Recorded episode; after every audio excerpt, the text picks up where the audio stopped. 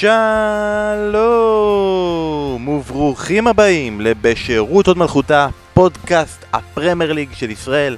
אנחנו כאן בפרק ספיישל מיוחד כדי לבוא ולהגיד לכם עומר נתיב, לירון ושוהם, מה קורה שם, מתי זה ייגמר ואיך כל זה קשור למשחקי הדיונון זה הנושא שלנו לפרק הזה. אני מסתכל כאן, זה, זה, לא, זה, זה לא הגיע אליך לטוויטר וזה טוב, זה טוב, זה מצב, זה מצב מצוין אבל אנחנו ננסה לדבר על דברים קצת אחרים בפרק הזה. פרק שידבר גם על דברים על זמניים וגם על דברים שנוגעים לרגעים אלו ממש. אבל לפני זה אני מנצל את העובדה ששרון אביזוביץ' לא פה והוא לרוב מאוד מאוד לוחץ עליי עם הטיימר ואנחנו באמת לחוצים עם הטיימר אבל אני אנצל בכל זאת את ההזדמנות ולהגיד לכם תעקבו אחרינו, אחרי בשירות המלכותה בכל הפלטפורמות בפייסבוק, בטוויטר, באינסטגרם אה, יש לכם ICQ למקרה שזה ייפול? כמו שבוע שעבר? וואו, זה ממש ממש טוב, יש לנו ICQ, אבל אנחנו על Do Not Disturb כזה, D&D כזה, עם הערה שנונה. מה קשור ICQ למודם 5? זה התקופה. זה התקופה. אה, אני רוצה לעדכן לכל מי שמאזין לנו בכל הפלטפורמות, אנחנו ממש בקרוב, אנחנו מתנצלים, אבל אנחנו יורדים מסאונד קלאוד. אה, אה, מסיבות שלנו לא שלנו, אבל כל מי שהאזין לנו בסאונד קלאוד, מזמינים אתכם לפנות לאפל פודקאסט, לספוטיפיי, לכל אפליקציית מוזיקה אחרת בשביל למצוא אותנו בשירות הוד מלכותה ותעשו את זה. לכל מי שעוקב אחרינו באינסטגרם אני רוצה גם להגיד שהפרק הזה עולה ביום שלישי ואתם מאזינים לו בכל רגע נתון כי זה פודקאסט על זמני כמו שאמרנו אבל אם אתם מקשיבים לו ביום שלישי אז תדעו שביום רביעי באינסטגרם שלנו אנחנו מחלקים עותק של פיפא 2022 לפלייסטיישן 5 חינם עבורכם. אז כל מה שצריכים לעשות אה, ביום רביעי זה להיכנס לאינסטגרם שלנו יהיה אה, פוסט, לא יודע איך קוראים לזה באינסטגרם, ציוד, לא, לא יודע, אה, מודעה, הודעה, הודעה של אה, על פיפ"א 2022, תהיה מודעת אפל, 2022, שאתם צריכים אה, לשתף אותה ולספר לנו על הרגע הראשון שאתם זוכרים בפרמייר ליג, ואחד מכם יוכל לזכות בעותק מקורי של פיפ"א 2022, אז תהיו יחד איתנו. אינסטגרם. ועכשיו, אחרי שדיברתי ופטפטתי ובזבזתי את רוב הזמן, אני בן פורגס, וכאן איתנו, אך ליבו כעת באמסטרדם מלא חששות, אסף כהן, איך הגיע המצב שבו דווקא הנבחרת שלך בבית הכי מותח במוקדמות המונדיאל? אה, בגלל שהפסידו לטורקיה, בגלל ששמו את פרנק דבור מאמן, זו הסיבה. זה תמיד, אה, למה קורה משהו בעולם? כי הפסידו ל... כן. לא, יהיה בסדר, זה לא... אמור להיות בסדר, היום נגד גיברלטר, והדיבורים, האם יגיעו לשמונה, לתשע, לעשר, אה, ויסגרו עניין בחודש הבא נגד נורבגיה. לא, לא מודאג, לא מודאג. לא יפה מאוד. ולצידנו, אה, מהליגה האנגלית בעברית, מבית הפודיום, מבית ההורים אבל עבר לתל אביב, מוטה לרפלד, מה העניינים? מעולה. איזה יופי שאתה כאן. אתה מדבר עכשיו בכל מיני פודקאסטים על כל מיני דברים כאלה, ליגות, לא ליגות. זה לא מרגיש לך קצת לא נעים שאתה מדבר על דברים שהם לא הליגה האנגלית? אה, האמת שכן, האמת שכן. אה, אוקיי. אוקיי, אז לפני שאנחנו מגיעים לחלק העל-זמני של הפרק, אני רוצה לדבר על משהו שהוא כן בימינו אנו. כי יכול להיות שאם אתם מקשיבים לפודקאסט הזה עוד שנה, אז אתם כבר מכירים את אה, ניוקאסל כזוכת ליגת האלופות והקבוצה הכי גדולה בעולם, אבל ברגעים אלו זה עדיין לא שמה. החדשות הטריות שניוקאסל, המועדון נרכש על ידי קבוצת משקיעים סעודית, הקר... על ידי הקרן הסעודית בראשות יורש העצר מוחמד בן סלמן, או לא בראשותו, תלוי איזה יום בשבוע אנחנו ואיזה נרטיב אנחנו רוצים לספר, יחד עם משקיעים נוספים, שחלקם גם מבריטניה, כשהשווי הכולל של כולם הוא בערך בשווי של שווי. כלומר, הסכום של כל הדברים ביחד בעולם, של כל האנשים בעולם, זה הסכום שהאנשים האלה, אה, הם גורמים לסכומים שיש לבעלי מנצ'סטר סיטי להיראות כמו הריבית של המשכנתה וכולי וכולי, וכל עולם הכדורגל סביב כמרקחה, וכולם אה, מתלהבים, אבל גם קצת, קצת, קצת מפחדים. זה מזכיר לי את הסצנה הנהדרת מהסרט הנפלא מגלה את אמריקה, שהוא מקדאוולס, האבא, הוא, הוא פתאום מבין שליסה, הבת שלו, היא יוצאת עם, עם הנסיך של זמונדה, ואז הוא, הוא אומר לה, שהחבר הקודם שלה, שכל הזמן עודד אותה לצאת איתו, הוא נראה כמו קבצן לעומת מה שהביאה עכשיו. תראה, יש כל העניין המוסרי של האם זה בסדר, והסעודים הם באמת מהגרועים שיש. אה, אבל אני חושב שבאמת לאנשים פשוטים ורגילים כמונו, יש ערכי, מוס, ערכי מוסר גבוהים יותר מלאנשים עשירים ולבעלי כוח. אני אומר פה משהו שהוא מאוד אה, אה, מכליל ומאוד... ו- וכן, ובעייתי מאוד, זה, זה, זה מדינה שבה תולים אה, הומואים ו- ו- ואין זכויות לנשים והם עושים דברים נוראים. וזה נורא, וזה נורא ואיום. האם אוהדי ניוקאסל אשמים? האם בכדורגל בכלל זה המקום לבוא ולעשות את ההפרדה הזו? כלומר, כן, אנחנו רוצים להיות אנשים ערכיים, אנחנו רוצים לשמור על, ה, על, ה, על, על התואר של הספורט שלנו, של מה שאנחנו אוהבים, אבל האם באמת הקטרים זה בסדר והאלה לא? האם ה... אה, אה, אלה בארצות הברית שבאים וקונים קבוצות אבל הם uh, מעסיקים uh, אנשים בשכר מתחת לשכר המינימום, זה כן בסדר כי אנחנו, כי הם מדברים את השפה שלנו ואנחנו איתם והכל טוב. Uh, אני חושב שבעיקר אוהדי ניוקאסל שמחים ביום הזה, בימים האלה, כי באמת היה להם בעלים גרוע. אולי לא איש רשע במיוחד כמו הסעודים, אבל אדם שהצליח יותר מכל אה, יותר מכל ניהול רע ומירידות ליגה ומהמינויים המוזרים שם, הוא גרם לאוהדי ניוקאסל, שבאמת מהאוהדים הכי טובים שיש, לחוסר עניין ולאנטי כלפי הקבוצה שלהם. וזה דבר באמת מהגרועים שיש בכדורגל, לא מסביב. אז זה שהם שמחים, הם שמחים והם צודקים שהם שמחים שהם נפטרים ממייק אשלי, ויש להם, דימ... הם יכולים להפליג בדמיון ולהפוך את ניוקאסל, את אנגליה, את הפרמייר ליג לטופ 7 ולא לטופ 6, צריך עוד לראות מה יהיה עם זה. בכל מקרה מדובר באמת במועדון אה, עם, עם חיבור אדיר לקהילה, עם, עם שותפות גורל אמיתית שם, שראינו את זה לאורך כל השנים, בטח עכשיו בשנתיים האחרונות עם כל הקורונה, ואני שמח בשבילם, ולא מתפקידנו, כן מתפקידנו כי אנחנו, יש לנו דעות ואנחנו אנשים ערכיים ורוצים שיהיה אנשים טובים אה, בכדורגל שלנו, אבל אה, זה לא אשמת האוהדים של ניוקאסל או האנשים בניוקאסל ש, אה, ש, הסעודים הגיעו והשתלטו שם על הקבוצה. אז מוטלה, כולם מחפשים אשמים כל הזמן, אז אסף אומר שזה לא אשמת האוהדים, אנחנו חייבים להאשים מישהו אחר, אז את מי אתה רוצה להאשים? אני לא רוצה להאשים אף אחד, כי... אבל זה הספורט עכשיו. אנחנו נכנסים פה למבחן הזקנה שחוצה את הכביש, זאת אומרת, עד, עד כמה נלך רחוק עם המוסר, אני לא אומר שהסעודים הם בסדר או שאחרים הם פחות בסדר, אבל אם נתפוס בעלים אנגלי, שאין שום חשד כלפי כמה הוא מוסרי, לא עוזר לזקנה לחצות את הכביש, שזה לא מוסרי בעליל. האם הוא לא ראוי להיות בעלים של קבוצת כדורגל? לא, ברגע אבל... שאנחנו לא מקבלים את הסעודים, אנחנו פותחים פה איזשהו מחירון שאי אפשר לצאת ממנו. אני לא אומר שחייבים בכוח לקבל אותם, או שצריך לסלוח רק כי האוהדים של ניוקאסל מסכנים ולא אשמים, אבל ברגע שהאנגלים לא קיבלו את זה, הם פתחו כאן פתח לאיזשהו מדד מוסרי שאי אפשר באמת לאכוף, ואני חושב שבגלל זה גם הם הרבה ירדו מהעץ. זה ועוד uh, כמה דברים מתחת לשולחן, אני מניח, אבל כל מיני זכויות שידור שהשתנו ודברים כאלה. לא, אבל תראה, גם כל הברקסיט שם מאוד משפיע על אנגליה, אתה לא יודע איך זה ישפיע גם על הכדורגל, אם עכשיו יש לך תורים בתחנות הדלק, כי אין נהגים שיובילו את הדלק, אז אתה לא יודע איך מחר זה ישפיע על הכדורגל, אה, וכרגע, אתה יודע, אנחנו מדברים על מוסר, מה, וחוזי הטלוויזיה, הנה, אני מדבר פה, אנחנו יושבים פה, חוזי הטלוויזיה המטורפים באנגליה, זה כן מוסרי? אני לא יודע, אתה יודע, זה דברים שאפשר לדון. האם הבעלים של וסטאם, שבאים מעולם של פורנו, זה כן מוסרי? לא יודע, אתה יודע, זה, זה דברים שאפשר לדון, וקודם כל, ואני לא פה בא ומלבין את הסעודים, שהם באמת נוראים, הם באמת בדברים הכי בסיסיים, כמו שאנחנו רואים את העולם, כמו שאני רואה את העולם, הם, הם, הם, הם גרועים נורא. אבל באמת אתה נכנס פה למקום של, רגע, הם כן, ואלה בסיטי כן, ואלה בצ'לסי כן, וניוקאסל לא. לא יודע, אני לא מתפקידי ולא מתפקידנו לשפוט. רומן גר קרוב, אני מפחד... אה, בדיוק. אני חושב שבכלליות ב-2021, המושג הזה של בעלים קונה קבוצה בגלל סיבות שהן לא סיבות מפוקפקות, זה כבר לא משהו שקורה יותר בימינו, כי אין דבר כזה, זה, אתה, אם אתה צברת מספיק כסף בשביל שתוכל לקנות קבוצת פרמייר ליג, אז יש בך משהו מפוקפק ויש לפקפק. זה יכול להיות, אבל תמיד אפשר למצוא משהו מתחת לשולחן שלא קשור בהכרח ל... לסיבות כמו הסעודים. אפשר למצוא אותו פשוט בתור בן אדם חרא. לא בתור בן אדם לא מוסרי, ואז כאילו אתה עוד פעם נכנס לזה שמה מתאים ומה לא מתאים. כן, בעלים של פורסט גרין, אתה יודע, זה בטח קבוצה טבעונית, כן. הכל טוב, אבל אתה יודע, בוא נחפש, אני מניח שנמצא אה, משהו. יש שם מניות, זה מספיק לא מוסרי.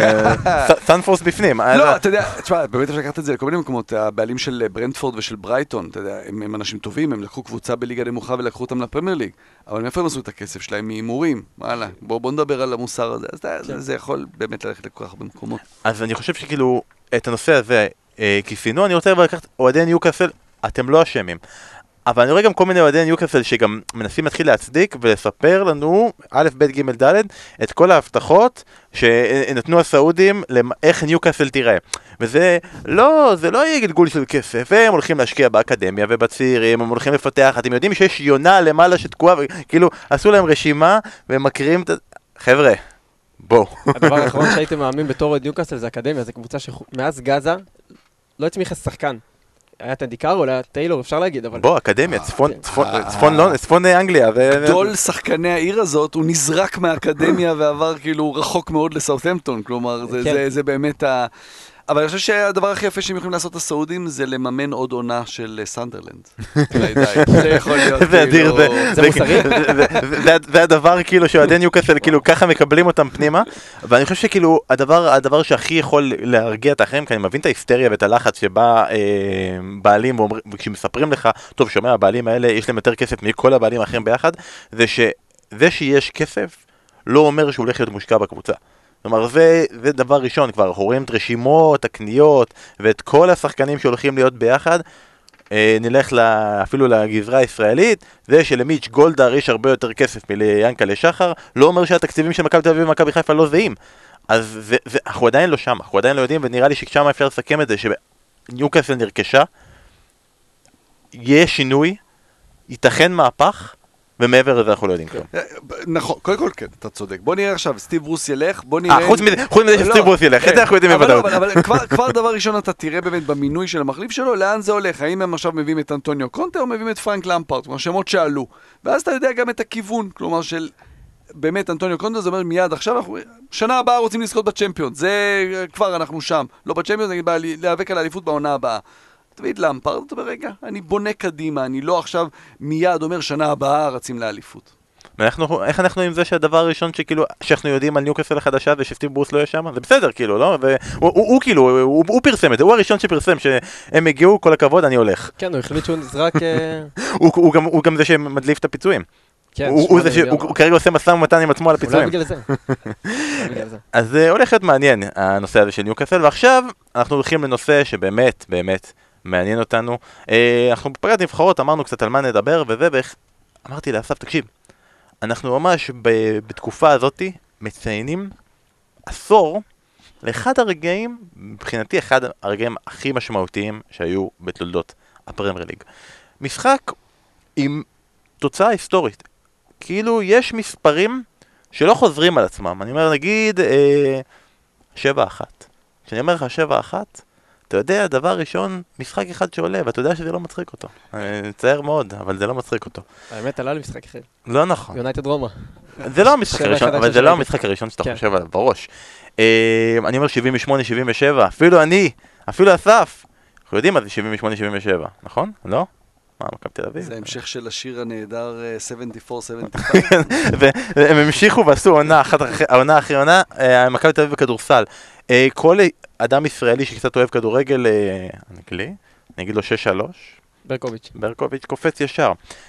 אז המשחק הזה היה אמור להיות התוצאה הזאת. כלומר, אם אתה בא ואומר את התוצאה הזאת, שעוד... זה המשחק. אבל הוא לא. הוא לא, אני אגיד, הוא לא, הוא כבר לא, כי 6-1 נלקח על ידי נון יעקבי, ולא היה כדבר הזה וכל הדברים האלה, הוא נלקח. התוצאה הזאת נלקחה, והראש הולך לשם. אני מודה, אני מודע, אה, זה כמו שהיה... עוד משחק שעוד רגע נתייחס אליו, אה, 8-2, זה גם אה, תוצאה שנלקחה בתקופת הקורונה שיש לו משמעות מאוד גדולה. לכיוון אחר. נכון. אמ, אז הש- אז התוצאה שלנו היא 6-1, וזה כבר מכווין אותנו לזה שאנחנו ב-23 באוקטובר 2011. עידן עמדי בראש המצעד של גלגלצ, אה, והארץ עדיין רועשת וגועשת מהעובדה שגלעד שליט שוחרר מהשבי כמה ימים קודם לכן. אין קשר לתוצאה לכאורה. לא, זה, זה, זה, הם- אבל הוא זכה, ו- ו- והרגע המשמעותי הראשון שלו מחוץ לשבי. התוצאה, הוא יושב- הוא יושב בבית ורואה את המשחק הזה, למרות שאנחנו... קיבל את ניוקאסל. למ- למרות כן. שאנחנו מודעים לזה שכנראה גם הוא גם ראה את זה בשבי, גם וזה, וכל הדברים האלה, אבל בסדר, זה, לא הנושא. העונה היא עונת 2011-2012, ואני רוצה קצת לתת לנו מסגרת, ואני רוצה את המסגרת הזו להתחיל עם מנצ'סטר יונייטד. מנצ'סטר יונייטד בעונת 2011-2012 באמת מגיע בתור אימפריה. אחרי כמה שנים שהיא ירדה וצ'לסי וארסנל אז עלו, זה שוב היה התקופה של מנצ'סטר יונייטד זכתה בארבע מתוך חמש אליפויות בשנים שלפני, הגיעה פעמיים לגמר ליגת האלופות, היה את קריסטיאנו רונלדו בגדולתו, היה לה רגעים גדולים, היה לה קבוצה מדהימה, חזקה, שפתחה את העונה בצורה נהדרת, אה, לא הפסיקה לכבוש, וממש חודש וחצי לפני המשחק היא הגיעה לרגע המשמעותי הזה. A game that included 10 goals, two penalties, one of which saved, one dismissal, one hat trick, and one champion team that just will not let up. The Blues of Manchester are very, very good. The Reds of Manchester are special. And Arsenal, who are meant to be one of the next best, have just been swatted away. Manchester United's excellence is transparently clear for the whole world to see and to enjoy. A regenerated, new, young team that believes in itself and for whom the sky is the limit. And the Reds go marching on. Just stop them. The final score at Old Trafford, do not adjust your set. It really is Manchester United 8, Arsenal 2. מוטה לאוגוסט היה כיף. 2011, ויונייטד מנצחת 8-2 את ארסנל, שאני אני אתן ספוילר להמשך, מסיימת באותה עונה במקום השלישי, והייתה עוד מועמדת שם באזור, ובאמת זה היה נראה, אחרי 2011, אחרי שהייתה בגמר ליגת האלופות, אחרי שפפ גוורדיולה עושה... 2012 ארצה סיימה רביעית. ארסנל סיימה הרביעית, אוקיי? אה, זאת העונה ש... התחלנו להבין. זאת אומרת, אה, זה משהו שערי חובה, עונה קשה. אבל מגיעים אחרי גמר מתחילה את העונה 8-2 על ארסנל, ואתה אומר, מנסטר יונייטד היא הקבוצה הכי טובה בעולם. כן, זה, גם גדלתי ב, בעשור הראשון של שנות האלפיים, ובאמת אה, ארסנל התחילה, התחילה אותו טוב, ואז הגיע גם צ'לסי, אבל ברגע שקריסטיאנו רונלדו עשה את הפריצה ב-2006-2007, אז יונייטד שוב השתלטה, ואתה יודע, תמיד הייתה השאלה הזאת, בעיניי זאת לא באמת שאלה, אבל מי המאמן הכי גדול באנגליה? אם זה פרגוסון, אה, איך שהוא מצליח כל פעם לבנות קבוצה אלופה, או אה, ונגר החדשן שמשחק כדורגל יפה?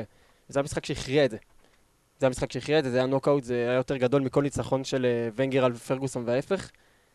ומדהים לראות מה קרה חודש וחצי אחר כך. אנחנו באמת, אז זה הקבוצה, מנסטר יונייטד פותחת את העונה נהדר, לא מפסיקה לכבוש, כמות שערים מטורפת, כמובן שהשמונה שערים במשחק אחד מאוד מאוד עוזר לזה, אה, ומגיעה לאוקטובר הזה, לא מנוצחת. ורוני בפריים. זה- רוני בפריים, מלך שערים באותו רגע ש- למשחק, אבל היא לא מגיעה מהמקום הראשון, היא מגיעה מהמקום השני, כי את המקום הראשון תופסת מנצ'סטר סיטי. ומנצ'סטר סיטי מגיע אחרי שאסף ב-2008, כמה שנים לפני זה, נהיה ה-takeover. הנה אנחנו מדברים על ניוקאסל, זה לוקח שלוש שנים אסף עד שזה קורה, וזה לאט לאט התחיל, 2008-2009 היא סיימה מקום עשירי, סטיב ברוס בתפקיד מרק יוז, כולם שחקני עבר של יונייטד, כן, סליחה, תמשיך. אה, 2009-2010 היא מסיימת במקום חמישי, מ-2010-2011 היא כבר מסיימת במקום שלישי, 71 נקודות, ניקוד שיא שלה בפרמייר ליג, זוכה גם בגביע, הזכייה הראשונה שלה בתואר לא בליגת המשנה מאז 1976, כלומר היא לאט לאט נבנית, ואפילו בקיץ הזה, אה, שיונייטד מביאה את אה, דוד דה חאה במקום ואן דר סאר שפרש, והיא מביאה את אשלי יאנג שמצטרף לקישור במקום סקולס שפרש, ואחר כך חוזר בהמשך העונה, ובמובן הכי חשוב בפאזל, יונייטד מביאה באותה עונה את פיל ג'ונס, אה, וסיטי מביאה את קלישי, את סאביץ', את סמיר נסרי, ואחד שאולי תכירו אותו, אבל לא בזכות הספר הגדול דשא, ב-2011 אסף, מגיע סרחיו אגוארו, ומאנסטר סיטי פותחת את העונה הזאתי, מדהים. אתה יודע, אני תוך כדי אני חושב על זה, אני מסתכל. קון אגוארו, מריו בלוטלי, אדין ג'קו, גם איזה אבולוציה עברה מנצ'סטר סיטי עצמה בעשור. עוד מעט אני אגיד לך את ההגנה. חלוץ, לא, אבל עזוב, חלוצי תשע, תראה מה זה, את החלוצים הכי טובים בעולם. וכן, ואתה יודע, באמת הם מגיעים, הם מגיעים למשחק הזה כשברור, כבר היה את כל הקטע הזה כמובן עם ה-noisy neighbors ש... שפרגוסון אומר, וכאילו, הם עוד לא שם, הם, הם לא אמורים להיות הקבוצת ה-top six, זה, לא, זה עוד לא, לא המושג שקיים, הם לא שם, אה, כן מבחינת כסף וכן מבחינת לאן שהם רוצים ללכת, אבל זה, זה כולה מנצ'סטר סיטי, הקבוצה הזו ש, שיותר שנים הייתה ב, בליגה נמוכה מבליגה ראשונה, ועוד לא, לא בדיוק יודעים אה, איך לאכול אותה. רואים שהיא עושה התקדמות, גם מביאים מאמנים בעלי שם, אה, אה, בטח את השחקנים האלה. אה, אבל אז מגיעים כמובן ליום הזה שבו בעצם זה ה-statement, זה לא הניצחון הכי גדול בהיסטוריה, אבל זה כאילו האמירה, זהו, אנחנו פה, אנחנו כאן, ואנחנו כדי להסתכל לכולכם, לכל ה... אה, לכסף הישן, לגיבורים הישנים, ממש בגובה העיניים, ומתחילים באמת את העשור הכי גדול של מנצ'סטר סיטי. ואמרת את המשפט, אמרת את המילים noisy neighbors, וזה משהו שיחזור על עצמו במהלך המשחק הזה הרבה מאוד, ולמי שלא מכיר אז אני רוצה רק לספר, מה זה ה-noisy neighbors האלה? ב-2009 מאנסטר יונייטד מנצחת את מאנסטר סיטי 4-3, שער של מייקל אוון בדקה ה-90, אחד הדרבים הכי גדולים שהיו ב- ב- לפחות ב-20 שנה האחרונות, ובסוף המשחק אלכס פרגוסון מתראיין ואומר שזה לא באמת משנה מה אנחנו עושים נגד מנצ'סטר סיטי, כי הם לא חשובים. מה שחשוב זה שניקח אליפות. סוף שנה, אליפות זה הכל. הם, יש לנו כרגע שכנים, ושכנים הם לפעמים רועשים. אי אפשר להיפטר מהם, אתה פשוט צריך להמשיך בחיים שלך, להדליק את הטלוויזיה, פשוט להגביר אותה קצת יותר. זה היה הציטוט של אלכס פרגוסון, ככה הוא מתייחס למנצ'סטר סיטי אה, לפני המשחק, ואז אנחנו מגיעים ל-23 לאוקטובר 2011, בואו ניכנס לאולד טראפורד. A warm welcome to Old Trafford for the 161st Manchester Derby. No longer merely a local disagreement, now it's a contest watched the world over, eagerly anticipated for some time, and now the day is definitely upon us. Old Trafford nowhere near big enough to accommodate everyone who would like to be here as the teams stride out for the biggest game of the Barclays Premier League season so far. אז הן נפגשות, שתיהן ראשונות בטבלה, שתיהן עדיין לא הפסד, סיטי עם שתי נקודות יותר, שתיהן עם פתיחה מטורפת, כמות שערים אה, לא הגיונית, אה, ואני רוצה לשאול אתכם, לפני שאנחנו מתחילים כאן, מה אתם, איפה הייתם? איפה הייתם ב, ב, ביום הזה? יש לי סיפור? מטורף, כי נו. לא ראיתי את המשחק. אה, הייתי בכיתה ט', וזה היה לדעתי המשחק המוקדם של יום ראשון. שתיים וחצי. אז נרדמתי בשיעור וקמתי ל-6-1. אז ככה גיליתי את זה, אמ, אבל לא, לא יכולתי לדמיין שניסיתי בכלל לנצח את המשחק הזה. זה לא היה משהו בתודעה בתור ילד ש... כאילו כן היה את הסווי ב-2007-2008 שסיטי ניצחה שני דרבים בליגה, אבל יונתד הייתה כל כך עוצמתית שזה נבלע. הייתי צריך לחזור עכשיו בזמן ולבדוק מתי ניצחו דרבי לפני המשחק הזה כדי להיזכר, לא באמת זכרתי את זה בזמן אמת. אז uh, שם אני הייתי, לפני המשחק הזה. אני, אומר- אני אומר, זה משהו ש... מה שאתה אומר עכשיו זה ממש ממש משמעותי לכל האנשים שמאזינים ולא מבינים איפה, איפה היינו עשר שנים אחורה. כאילו, המחשבה הזאת שזה כזה אירוע משמעותי, בסדר, אז הם ניצחו אותם מיליון פעם, הפעם הם ניצחו אותם שש אחת. לא. כשהם ניצחו אותם פעמיים באותה עונה, וזה קרה אפילו כמה עונות לפני זה, זה היה סתם. זה אפילו לא היה קרוב. זה לא היה כמו הרגע הזה. אסף, איפה אתה היית? מה אתה זוכר? תספר אתה רגע. אני אספר לכם שזה מצחיק, אני הייתי פה, בצ'רלטון, בשידור של המשחק הזה, אה, בעמדת הגרפיקה, עם הרבה מאוד שמות גדולים, הסתכלתי על כל האנשים ש... ש... עדיין איתנו, כמו לירן שכנר וזאביק סטלטר, ואנשים שהיו בערוץ ועזבו, והם כל מיני אושיות אה, בטוויטר, ואחרי המשחק הזה נסעתי ועשיתי שידור אה, בבלומפילד של מכבי תל אביב, ואני חושב כאילו, עשיתי את זה, ועשיתי את ה-8-2 ההוא, שבא אחרי ניצחון 5-1 של סיטי על טוטנאם באותו יום, זה היה שני משחקים. אומר, מה עוד אני יכול לקבל מהעונה הזאת, מהעבודה הזאת, מה, מה, מהליגה הזאת, כאילו לאיזה עוד גבוה, אה, פסגות הכדורגל יכול להגיע ברגע הזה? כל זה אני אומר עוד לפני שאנשים שמעו פה שער אחד. אה, אתה זוכר איפה היית? אז יפה, אה, באותם אה, צהריים מוקדמים, יש לנו קטע כזה, תמיד בן צוחק עלינו, עליי, שתמיד בליגה ההולנדית, אה, הם? הם אוהבים, הם לא אכפת להם מהעולם. תמיד כשיש משחק גדול באנגליה, דואגים למשחק גדול בהולנד, כאילו לא אכפת להם מכלום. אז באותם צהריים היה אייאקס נגד פיינורד, הקלאסיקר, כמובן זה היה המשחק החשוב באמת באותו יום. אה, הילד של פיינורד, שרונלד קומן, המאמן של פיינורד הזה, העלה מהנוער, סטפן דה פריי, העלה אותם ל-1-0.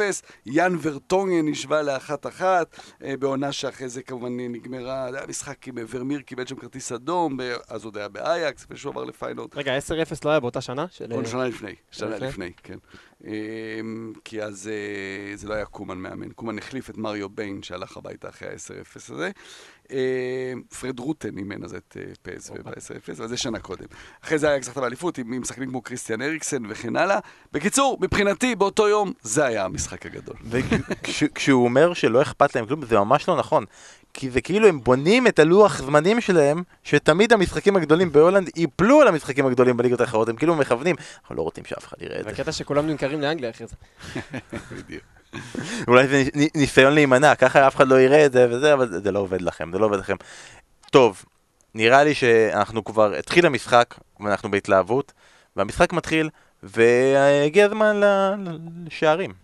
Milner. Balotelli!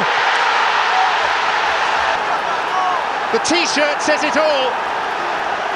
After an explosive build-up to the game for Balotelli, an explosive start for him on the pitch too. So Danny Mills, why always him? מדהים שיש לבלוטלי שני שערים הכי זכורים שיש מכל השערים שיש לו, ובשני השערים הללו, אנשים כמעט לא זוכרים איך השער נכבש, אלא רק מה הוא עשה אחרי. זה מריו בלוטלי. זה אומר עליו הכל. אה, הגול השני נגד, גר... הגול השני נגד גרמניה, אני כן כמובן. זוכר, זה שער מדהים. אבל אני חושב שזה עצוב להיזכר בדיעבד בעונה הזאת, כי זאת השנה האחרונה הטובה, האמיתית שלו, היה את היורו בקיץ, עונת אליפות, הבישול. אה, כן, אבל זה רגע הכי איקוני בקריירה, ונספר עליו גם מה שקרה לפני המשחק, שהוא שרף את הבית שלו עם, אה, עם זיקוק, קפצון, מה זה היה שם? חדר אמבטיה, כן, מה הוא טען? פשוט לא הייתי אני. הבאתי אנשים שהדליקו את הבית שלי עם זיקוק אבל באמבטיה. מישהו נתן לאנשים האלה להיכנס הביתה. והתגובה והחגיגה עצמה היא תגובה למה שקרה בתקשורת באותם יומיים, אבל בסופו של דבר זה הפך לתגוב- לסיפור של בלוטלי. לא- זה התמונה של הקריירה שלו. זה לא תגובה לביקורת תקשורת, זה לא תגובה לחברים שפרצו הביתה והדליקו זיקוק, זה פשוט תמונה שלא הייתה מודעת לעצמה כנראה בזמן אמת, אבל הפכה למה שמייצג את בלוטלי יותר מהכל. לגמרי, גם לזכור שגם שלושה חודשים קודם היה לבלוטלי עוד רגע מאוד מאוד זכור במאנסטר סיטי, שזה לא שער, זה הניסיון לכבוש נגד אה, גלקסי ב- בסיבוב, והחילוף מיד אחר כך. נכון. זה גם כן קרה והוא בקיץ של סגר אותה מעגל עונה. עם המאמן השנה שצחק עליו. הוא כבש שער בטורקיה, הוא משחק נכון. עכשיו ב... באלתאי, אני חושב? כן, ב... ב... לא, לא, בדמריספור, באלתאי, בדמריספור. כן. והיה משחק מדהים של אה, דמריספור נגד בשקטה, 3-3, הוא כבש דקה 93, הם חזרו מ-3-0, והוא זכר את המאמן של אה, בשקטש, אה, אני חושב שזה ילצ'ין, שהוא נכון. קרא לו טיפש. הוא קרא לו טיפש ב... באותו רגע שזה קרה, והוא זכר אותו עשר שנים, והוא הלך ועשה לו ככה, הצביע, ל... הצביע לראש. אחרי שער 70 דקה 90. זה, כן, זה, זה, זה באמת גדול, כי אה, אתה יודע, בלוטלי הוא, הוא, הוא באמת משהו מיוחד, כי זה באמת שחקן, שחקן על. מבחינת כדורגל זה, זה יכולות על, אה, הוא חזק והוא מהיר, והוא, והוא, השליטה שלו בכדור, ויש גם את הקוליות הזאת, יודע, של, של הוא לא חוגג יותר מדי אחרי השער, כבר הוא באמת מין זלטן כזה, כן? הוא נותן לך את תחושת העליונות, כבר תמיד משדר לך, אני יותר טוב ממך, לא משנה מה. יש אה, כתבה כזאת שהפרמייר ליג עשו עם, ה, עם הקיטמן, עם האיש התלבושות, כן. שראיינו אותו על, ה, על, על אותו יום. והוא מספר אה, ש, שבלוטלי בא אליו לפני, והוא ביקש ממנו להדפיס לו משהו, והוא נתן לו שתי אופציות, הוא לא סיפר מה, והוא אמר לו, אין מצב, אני לא שם לך את זה כי אתה אתה תעשה פה, אתה תשרוף את העיר, אתה, אנחנו לא כותבים את זה. ואז הדבר השלישי שהוא אמר לו, הוא אמר לו, why always me? הוא אמר לו, יאללה, סבבה, זה מה שאנחנו עושים. ו... והיפה הוא, וזה ממש מתחבר אה, למה שאמרת מוטלה, שהוא הוא, הוא בעצמו גם לא הסביר, הוא אמר, אני לא, אני, כאילו, לא הייתה פה איזה מחשבה עמוקה, אתה תמיד רוצה לחשוב שכשהם אומרים משהו, עושים משהו, שיש איזו מחשבה עמוקה, הוא אומר, אתם, הוא אמר אחרי זה בלוטלי, אתם, אתם, אתם ת, תפרשו את זה איך שאתם רוצים, כמו משורר אמיתי, כלומר זה לא חשוב, זה היה באמת הפוסט-מודרניזם של לא חשוב מה המשורר התכוון, אלא מה, מה אתה מבין מהטקסט, וזה מה שחשוב פה, מה אתם כצופים לוקחים מהרגע הזה, ממריו בלוטלי, וזה באמת מדהים שבסוף מקריירה שהייתה אמורה להיות קריירה גדולה של השחקן הזה, מה שנשאר זה באמת הרגע הזה, ה-why always me. אבל זה חולצות שימכרו לעד. והוא מספר גם לגמרי, והוא גם מספר, הקיטמן הזה, צ'אפי, לס צ'פמן, הוא אומר, הוא מספר שם בכתבה, אמרתי לו, "אי- כשאתה, אחרי שאתה כובש, תרים רק עד הסנטר את החולצה, כי ברגע שאתה מרים מעל הראש זה כרטיס צהוב. והסברתי לו ואמרתי לו, כמובן הדבר הראשון שהוא עשה, הרים מעל הראש, קיבל כרטיס צהוב. יש מצב שג'וני אבנס מאוד אהב את החולצה, כי זה היה הרגע הכי משמעותי במשחק. נכון, אנחנו ממש עכשיו מגיעים אליו.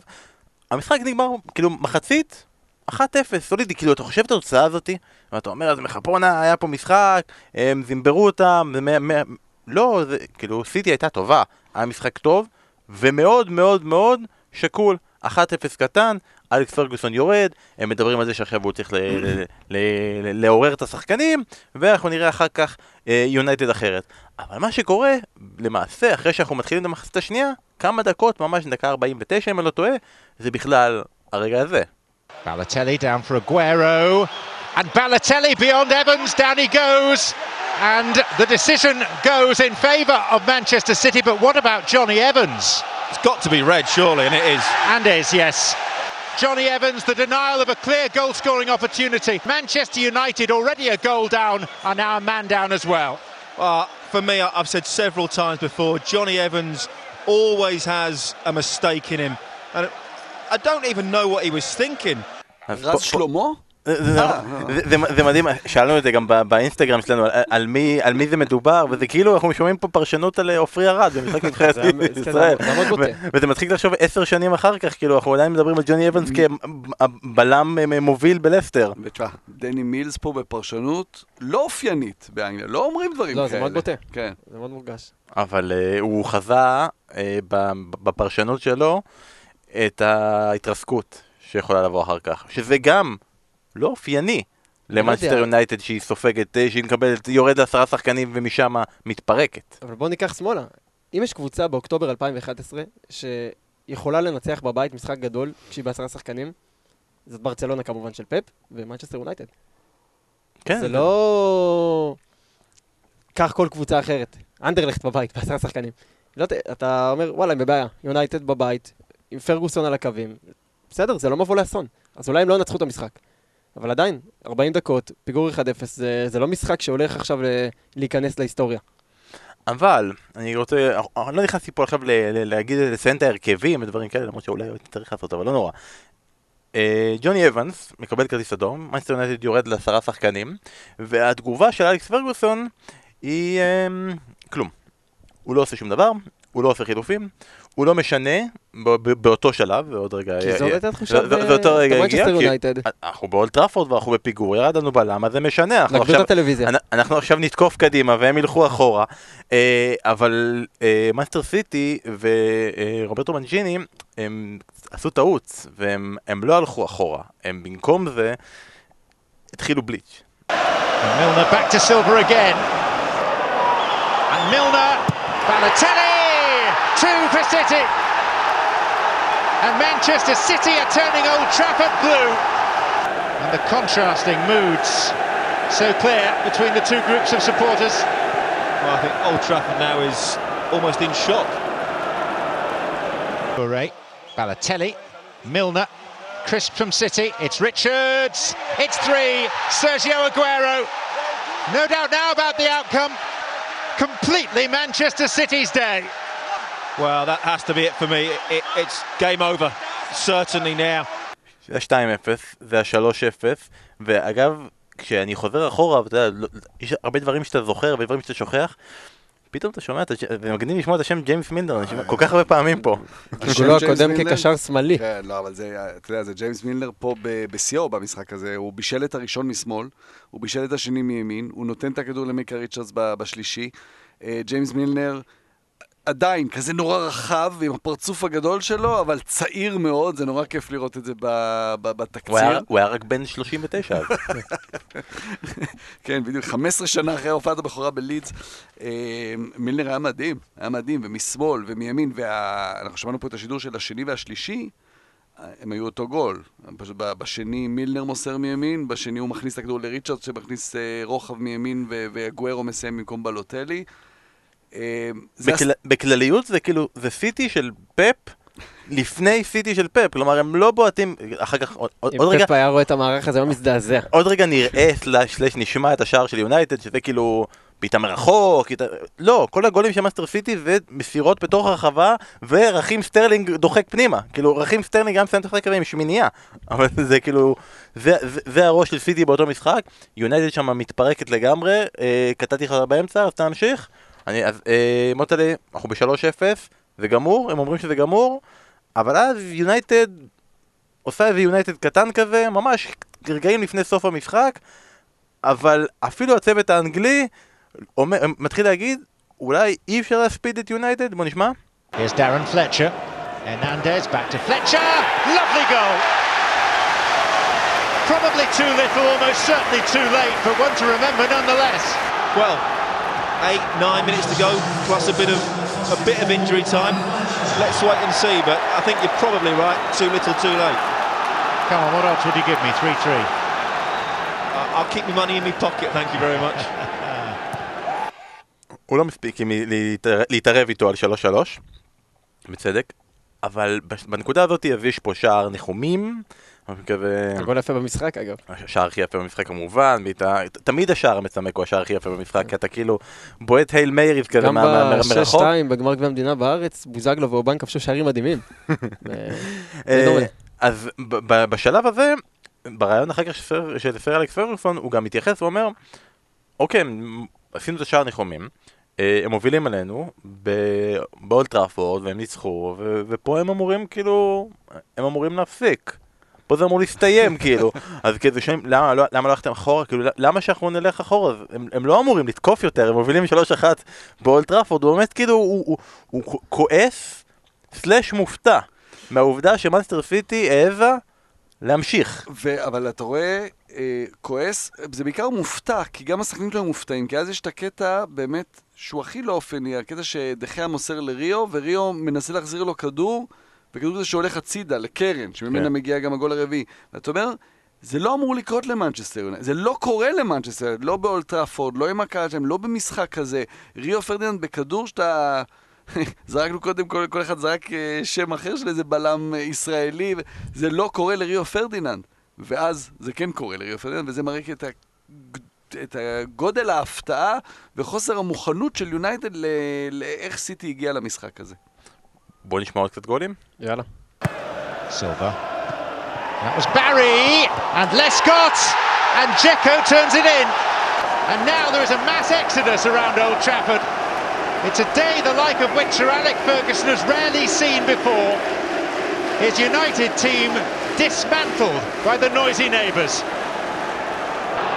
Rather defies expectation and some logic, but it could be worse here still. It's Silva and it's 5-1! Manchester United cut apart on their own ground by the upstarts from across the city.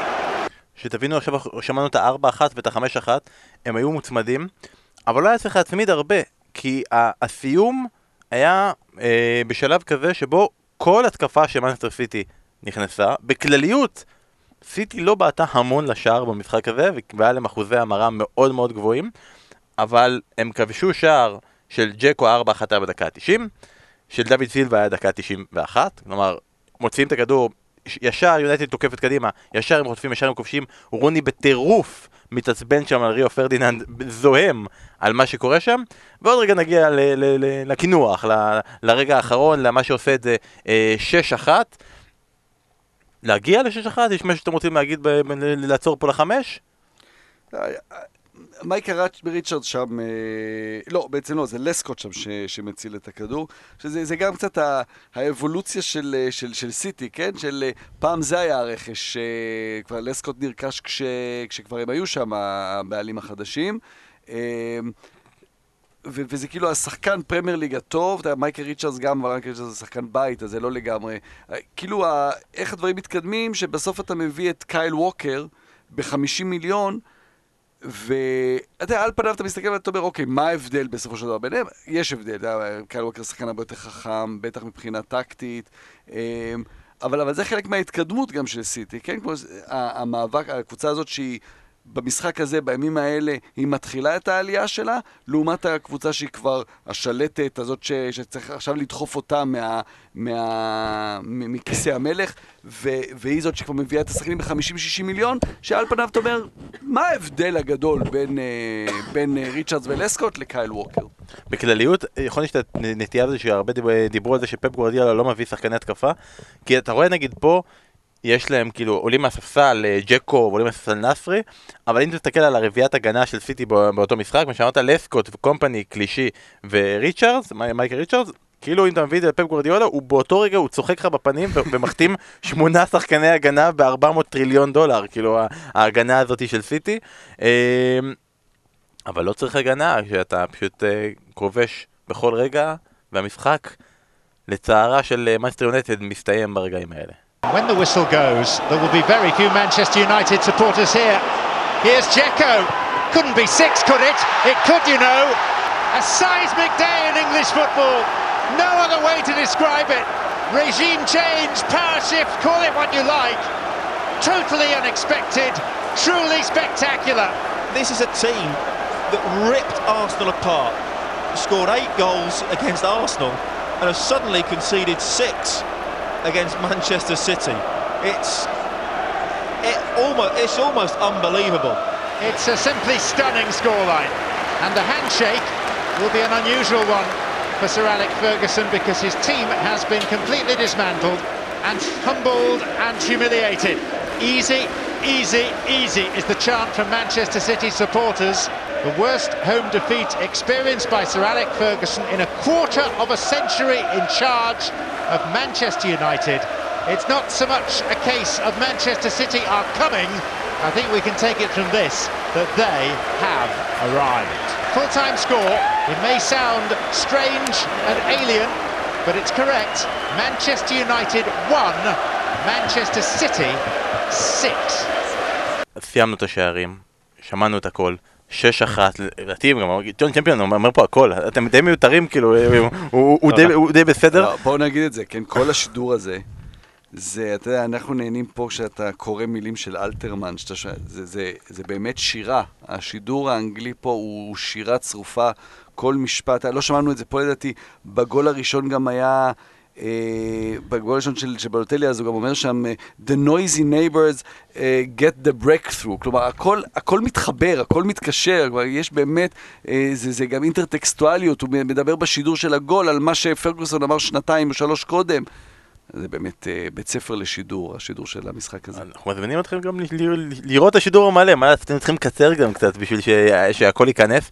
אז כמובן, יש אה, שיאים, נכון? זה הניצחון הכי גדול של סיטי, אה, וההפסד הכי גדול של יונייטד באולד טראפורד, וההפסד הכי כואב של סר אלכס פרגוסון שאמר אחרי המשחק באמת, שזה ההפסד הכי גרוע בהיסטוריה שלנו, ואפילו כשחקן, אני לא יכול לזכור אה, תבוסה של 6-1, פשוט כזה אומר, אני לא יכול להאמין לתוצאה. מוטלה, בוא נדבר קצת על המשמעות. משמעות אה, מבחינת יונייטד אני חושב שברורה, אבל מבחינת סיטי, בוא נסתכל על 2010-2011. מחזיקי גביע, מקום שלישי, זה נראה שזה הולך לכיוון טוב, אבל בדקתי את חמשת משחקי החוץ האחרונים של סיטי באותה עונה, ושימו לב לארבעה מהם. דרבי המספרת של רוני, הפסידו. צ'לסי בברידג', הפסידו. ליברפול, בינונית, 2010-2011, ג'יי ספירינג וסבסטיאן נטו, הפסידו 3-0. צמד של אנדי קארול, ו-2-1 לאברטון בגודיסון פארק, שאברטון אז הייתה סבירה, מקום שביעי, אבל הפסידו. אז פתאום לבוא ולנצח 6-1, ובמשחק שהוא באמת משחק עונה, למרות שזה באוקטובר, ראש בראש, אחרי כל, ה... כל המטען, ה-Noisy Neighbors זה לא הורגש רק בשפתיים של פרגוסון, זה על הכתפיים של סיטי שאומרים עליך דבר כזה, גם כשאתה ממש טוב. אז אחרי כל זה, ולבוא ולנצח את האלופה, ואת אה, כל המשמעות של מנצ'סטר יונייטד, 6-1 במשחק הזה, זה, זה המשחק מבחינת ה... הרוח של אה, סיטי, מה שאנחנו רואים ב... באמת בעשר שנים האחרונות. עכשיו זה יהיה עשר. עכשיו, זה, זה לא רק הרוח של סיטי לעומת יונייטד, באמת הרוח של סיטי לעומת הפרמייר ליג. הם בעצמם, עצמם. הם בעצמם אמרו אחר כך בראיונות, זה המשחק, יותר מכל דבר, יותר מכל כסף, יותר מכל ניצחון, זה הרגע, זה המשחק שבו אמרנו, אה, אפילו לפני, יכול להיות לפני ברק אובמה? לא, בטח לא לפני, yes we can, הרבה אחרי. אה, אתה צריך להגיד, בסוף העונה הזו, הרגע הכי גדול של סיטי הגיע בסוף העונה הזו. זה- זה באמת הרגע הכי גדול. אבל כמשחק, כנקודה שבה בעצם באמת יריית הפתיחה לעשור הנפלא הזה של של סיטי, זה המשחק הזה יותר מכל משחק. כי זה גם הבחירה של היריבה, כלומר, לבוא ולעשות הצגה כזו נגד ליברפול, זה גם מרשים. אתה יודע, זה נגד ליברפול, זה נגד מועדון גדול, אבל זה נגד, ה- באמת הקבוצה, נגד המועדון הגדול, נגד ה- ה- היריבה העירונית. אה, הם היו צריכים לעשות את זה נגד יונייטד ולא נגד אף אחד אחר. ומייקל ריצ'רס אמר בריאיון לסיט, לאתר של סיטי, הוא אמר אחרי שהיינו אנדרדוגים למשך כל כך הרבה זמן, אני חושב שכל פעם אוהדי סיטי באו לדרבי ובאמת הם ציפו לגרוע מכל, וזה המשחק שגרם לכך שהם התחילו לחשוב אחרת. ואם אתם רוצים לדבר על משמעות, בואו נדבר על זה ככה. אה, אגוורו, QPR, הכל סבבה. העונה הסתיימה בשוויון נקודות. כן? שתי הקבוצות סיימו עם אותו כמות נקודות, וסיטי ניצחה בזכות הפרש שערים של שמונה שערים, אוקיי? עכשיו אני רוצה רגע, שמונה שערים זה מטעה. כי אם אנחנו לוקחים את השש אחת הזה, ואני משנה אותו עכשיו שתיים אחד. לשתיים אחת. אם. אנחנו לוקחים שתיים אחת, אני מוריד ארבעה שערים לסיטי, אני מוריד ארבעה שערים, מוסיף ארבעה שערים ליונייטד, ובדקתי את זה, לא רק שזה סוגר את הפער, זה מציב את שתי הקבוצות במאזן זהה לחלוטין של 89-29 במידה והיה נגמר 2-1 במשחק הזה. כלומר, כמובן שאז אתה יכול להגיד שסיטי ניצחה, אה, במשחק, ניצחה במאזן הפנימי, בלה בלה בלה, לא משנה. אשכרה זה ניצחון באוקטובר שהכריע את האליפות. זה, זה המשמעות של וזה דבר המשחק כל הזה. כך גדול להגיד על המשחק הזה, כי הדרבי השני לכאורה הרבה יותר משמעותי. שני מחזורים לסיום, קומפני מבקיע שער- שער אליפות. וזה בן אדם שיודע להבקיע שערי אליפות, אחר כך אנחנו כבר אה, נראה גול לא פחות יפה, אבל עדיין אנחנו מדברים על הדרבי הראשון מאותו אוקטובר, למרות כל מה שקרה אחר כך, למרות הפער שנסגר, זה אומר באמת באמת הכל על המשמעות של המשחק הזה. ו- ונראה לי המשמעות הכי גדולה, שזה כמובן בא עם התארים, זה שמאותו משחק והלאה, אה, מנחשי הווינר כבר זה לא היה יחס של... יונייטד לא תמיד מנצחת ב winner באולד טראפורד את מנצ'סטר סיטי ושושלת נעשתה שכמובן השושלת נוצרה בזכות אה, המשחק מול QPR ומיליון תארים שהם זכו גם אחרי... זה הרגע הגדול שרצינו לציין, השש אחת של מנצ'סטר סיטי על מנצ'סטר יונייטד. ורגע לפני סיום אני רוצה לחזור איתכם רגע לכמה אה, נקודות ב-2011-2012 עם אה, טריוויה קצרה שלא הכנתי אתכם מראש בכלל. בלי התעודה שלי מכיתה ט' אבל. בלי, בלי, לא, לא, רק על דברים כאלה. אוקיי. לא עשיתי הרבה שאלות על מנצ'סטר יונייטד, פשוט כי אין מאזינים כרגע של אוהדי מנצ'סטר יונייטד. כאילו אם אתם כן, אתם באמת מזוכיסטים ברמות קשות. אז השאלה הראשונה, מוטלה, השאלה השנייה הייתה כמה נגמר המפגש השני באותו עונה, אז כבר נתת לנו, זה 1-0 של קומפני. אז אני אשאל משהו אחר.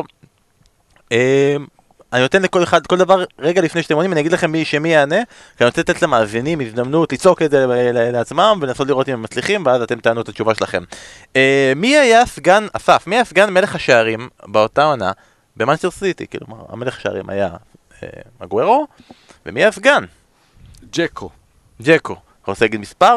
לא. אה, זה קשה, לא, זה קשה מאוד. כן. Uh, אתה מסכים איתו, או שהיית רוצה ללכת על משהו אחר? כן, ג'קו היה...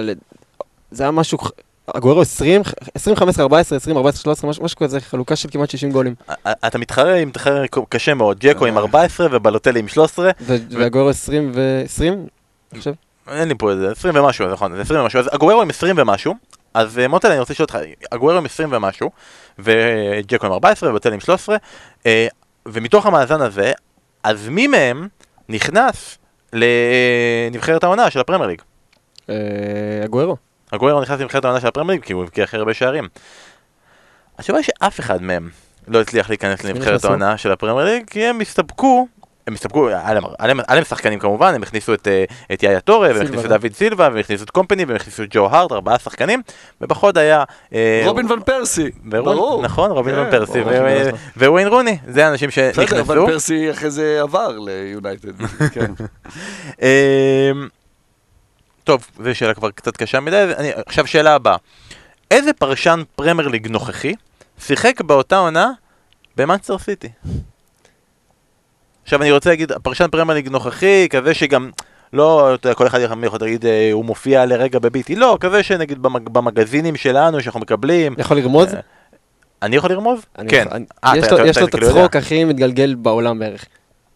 אז ואני? כאילו לא. לא. אה, אתה אומר שאתה יודע. כן, ברור. אוקיי. ריצ'ארדס. לא. מה, הוא פאנליסט... אה, לא, אני אומר אצלנו, אצלנו, אני אומר, פרשן פרמייר ליג כרגע שמופיע... אה, חשבתי חשבתי שמה. של הפרמייר ליג, כאילו שבכל התוכניות, שדברים כאלה שאנחנו מקבלים של הפרמייר ליג, אני אתן רמז, זה אדם שרשם באותה עונה הופעת ליגה אחת, וקבע שער אחד בגביע הליגה. אוון? מי? אוון? אורי? כן. לא, למה? לא, הוא משחק בסיטי, מה הוא אה, ריבן? התחושה שלי, כשאני מדבר על... אה, קווין קילביין? יכול להיות? לא. לא, כי הוא שחק בסיטי, אבל הרבה קודם. אז הוא הקשה עליי עם ריצ'רד, ואני אגיד, התשובה הנכונה, אוהן ארגריב. אוהן ארגריב. וואו, לא הייתי מנחש בחיים. והוא גם הגיע אחרי שהוא שוחרר מיונייטד. ואז הוא פרש. ואז הוא פרש, כמה שנים מאוחר מדי, כאילו, יש שיגידו.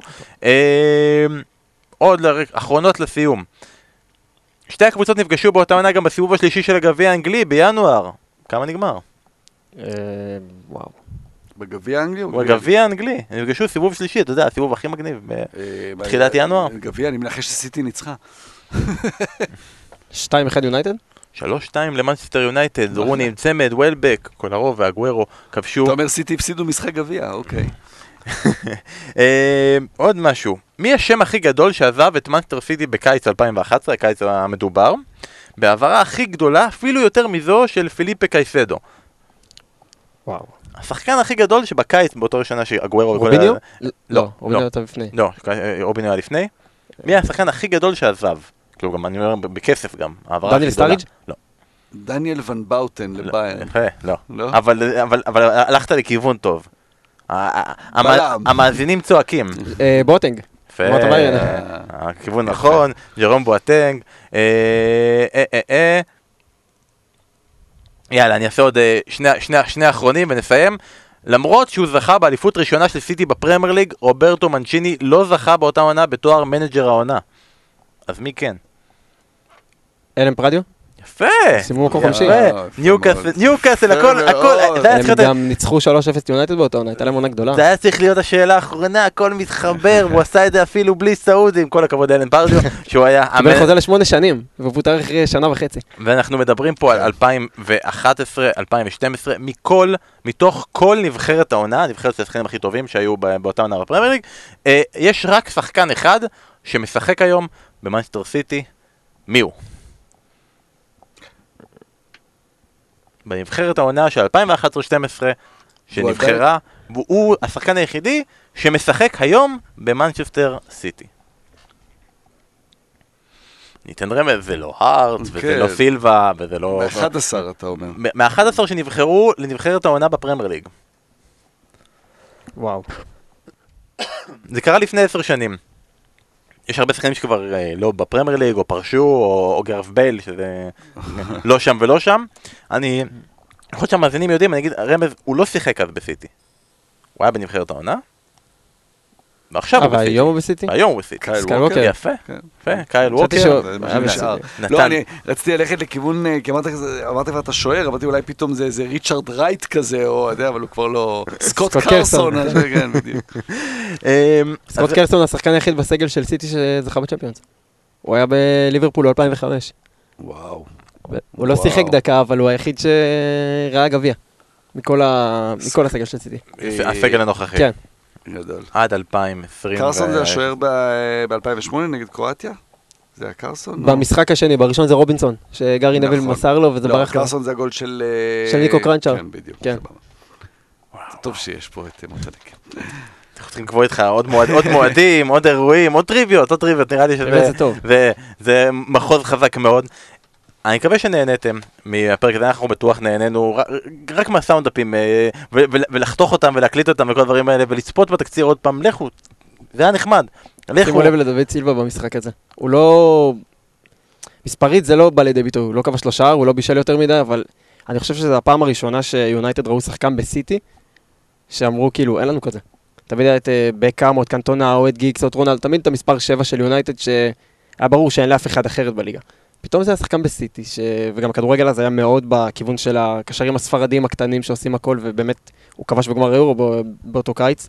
זו הייתה פעם ראשונה שזה גם איזשהו עוד, עוד סימן מהמשחק הזה שאתה יכול לקחת ולהגיד, אה, שם זה התחיל. ואני מציע לכולם לראות גם אה, תקציר ביוטיוב, שבו אה, אני מציע לאנשים, קודם כל שמישהו יעשה את זה, ואז יש תקציר ביוטיוב, שבו בכל הטעויות של יונייטד בגולים של סיטי, שותלים את פרד.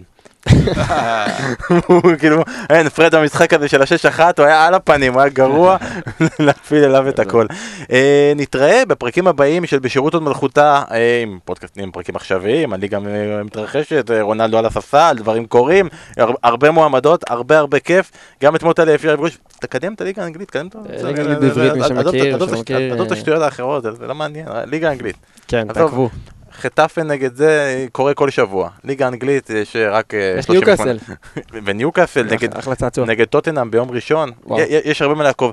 זה הרגע שבו הפכתי את הפרק האלזמני לפרק שממש כן, ממש בדיוק. נקודתי מאוד מאוד מאוד. מזכיר לכם, יום רביעי באינסטגרם שלנו, פיפא 2022 מתנה. אם אתם שומעים את זה ב-2022, תזכרו, בואו לאינסטגרם, אין פיפא 2024 מתנה. אה, שיהיה לכם פגרת נבחרות עוד קצרה קצרה קצרה נעימה, ונתראה עם הליגה הכי טובה בעולם. Ah Bye.